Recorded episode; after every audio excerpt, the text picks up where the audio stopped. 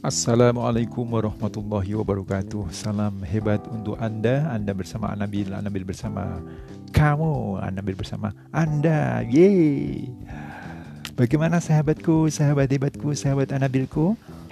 Hari ini kita jumpa lagi di podcast Anabil. Tanggal 13 Desember 2020 Semoga tanggal 13 bukan membawa kebencanaan Bukan membawa kesialan karena banyak orang yang mengatakan bahwa tanggal 13 itu tanggal sial. Kesialan bukan terletak pada tanggal. Kesialan bukan terletak dalam tanggal itu sendiri. Tapi kesialan itu ada pada pikiran kita, ada dalam kolbu kita. Kalau kita sial, pastikan bahwa ada pikiran buruk dalam pikir eh, ada sesuatu yang buruk di pikiran kita atau di hati kita. Karena itu positive thinking lah kepada diri kita, kepada semesta dan tentunya kepada Allah Subhanahu wa taala. Yakinlah tidak ada kesialan dalam tanggal 13. Uh, kenapa? Iya. Karena kesialan dan tanggal 13 itu tidak punya apa-apa, tidak punya daya. Jadi kesialan itu ya tergantung diri kita. Kalau kita hari ini mau sial, nah berarti kita berbuat yang sial. Kalau hari ini kita ingin sukses, maka kita harus berbuat sesuatu yang sukses. Demikian sahabatku, uh, kali ini kita akan bincang-bincang sebentar uh, terkait dengan hal-hal yang ada yang terjadi di sekitar kita. Sahabat hebatku, manusia itu makhluk yang paling unik. Manusia itu makhluk yang paling unik. Bahkan Tuhan menjelaskan bahwa manusia itu diciptakan oleh Allah dalam kondisi yang sebaik-baiknya. Kan begitu ya? Eh, dalam kondisi yang sebaik-baiknya. Dalam kata sebaik-baiknya itu ada sebuah keunikan. Jadi beda antara satu dengan yang lain manusia itu berbeda. Walaupun toh kembar pastikan ada perbedaan. Baik itu jasadnya maupun uh, jiwanya Nah, masing-masing kita punya keunikan. Kenapa masing-masing manusia diberi keunikan? Karena itulah rahasia dari Tuhan semesta. Itulah yang membedakan antara yang satu dengan yang lainnya.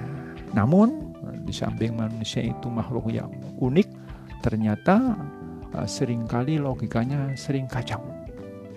Logikanya sering kacau, apalagi kalau tidak ada keimanan dalam dirinya Iya, manusia itu makhluk yang unik, namun sering kali logikanya kacau.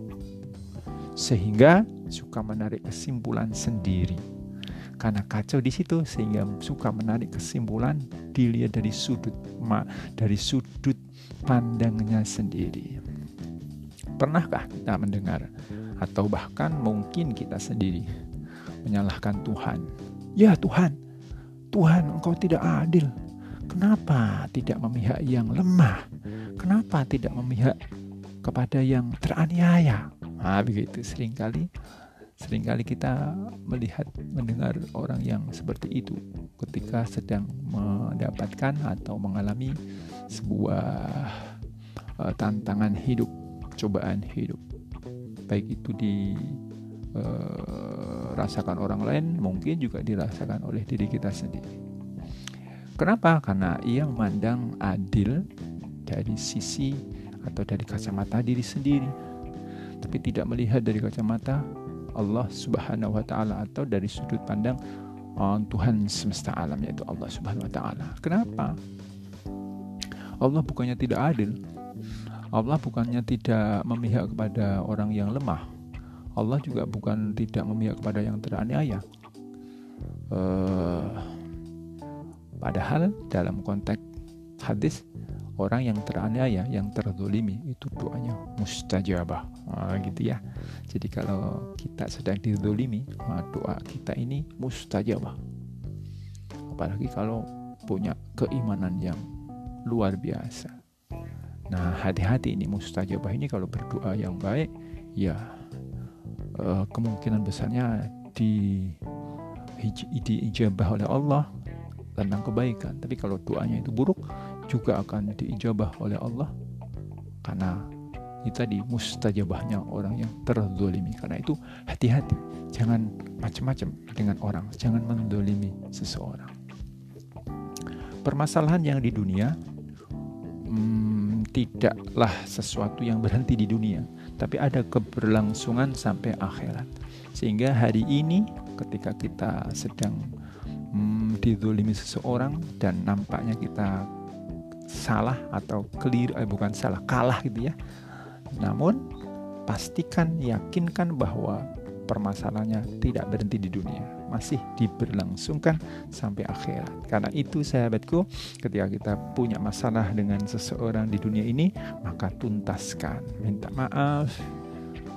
Kemudian kalau memang harus mau apa mendapatkan kisos ya lakukan kisos sehingga nanti di dalam akhirat tidak ada semacam tuntutan ulang tuntutan lagi karena sudah beres di dunia.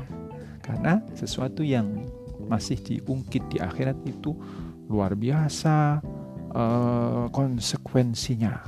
Rasul Muhammad Shallallahu Alaihi Wasallam menjelaskan uh, atau bertanya kepada para sahabatnya, Hai para sahabatku, kau lah tahukah engkau orang yang pilot gitu ya orang pilot kemudian para sahabat bertanya orang eh ada menjawab orang pilot itu orang yang tidak punya harta benda, orang yang rugi dalam perdagangan.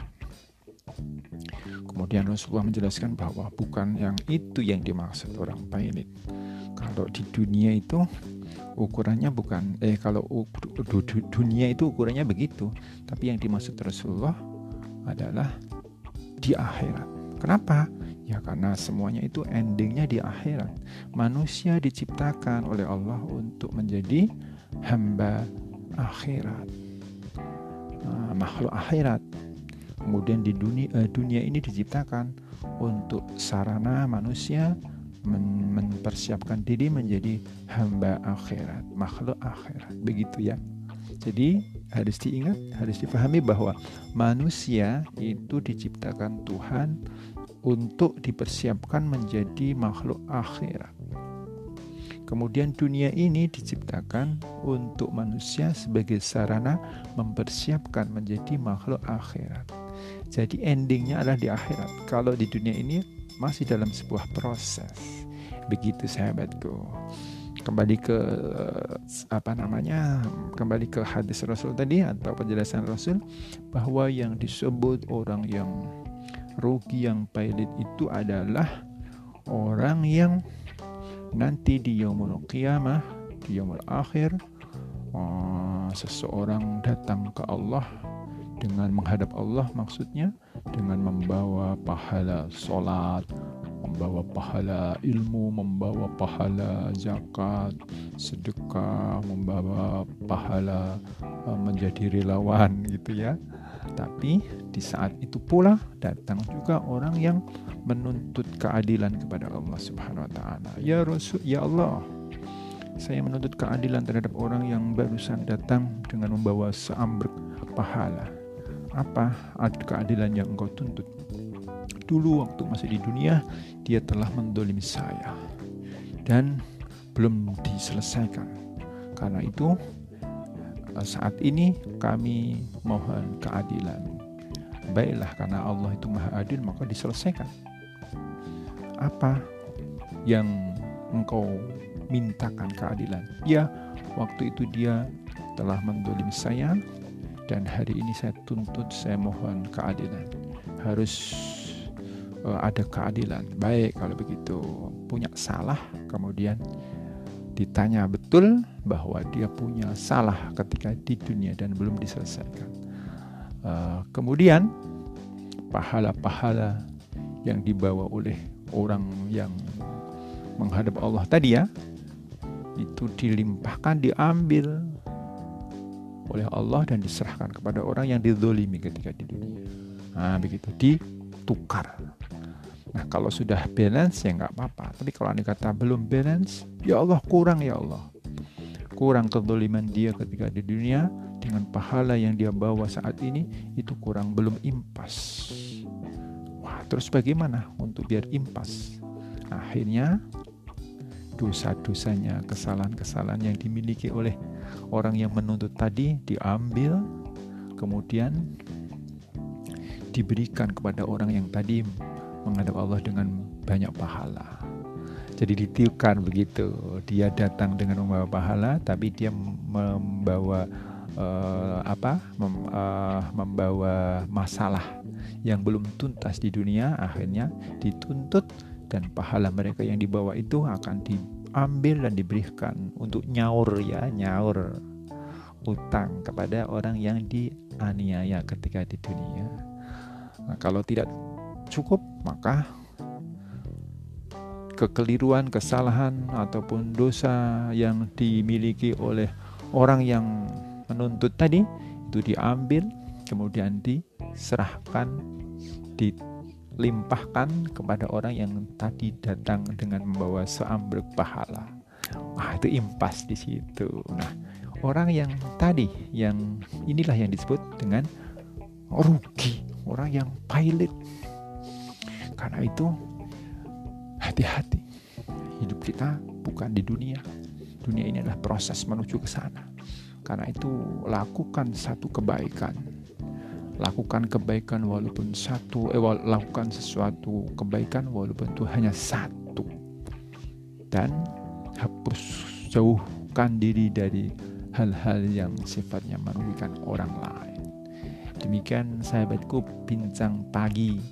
Semoga bermanfaat. Jadi manusia itu adalah makhluk yang unik, namun sesekali waktu atau sering kali waktu manusia itu juga uh, sering kacau logikanya karena selalu memikirkan sesuatu dari kacamata dia, menganalisa sesuatu dari kacamata dia sendiri, tapi melupakan kacamata yang lain terutama sudut pandangnya Allah Subhanahu wa taala. Sesuatu yang baik menurut kita belum tentu baik menurut Allah Subhanahu wa taala. Sesuatu yang mungkin uh, uh, sesuatu yang baik menurut kita belum tentu baik menurut Allah, sesuatu yang kacau belum menurut kita belum tentu juga kacau menurut Allah Subhanahu wa taala. Tapi pastikan segala sesuatu yang dari Allah Subhanahu wa taala itu adalah sesuatu yang baik, benar dan bermanfaat. Demikian sahabatku, semoga bermanfaat bincang ringan di pagi ini uh, untuk kita semuanya. Nabi bersama kamu dan kamu bersama Nabi. Assalamualaikum warahmatullahi wabarakatuh.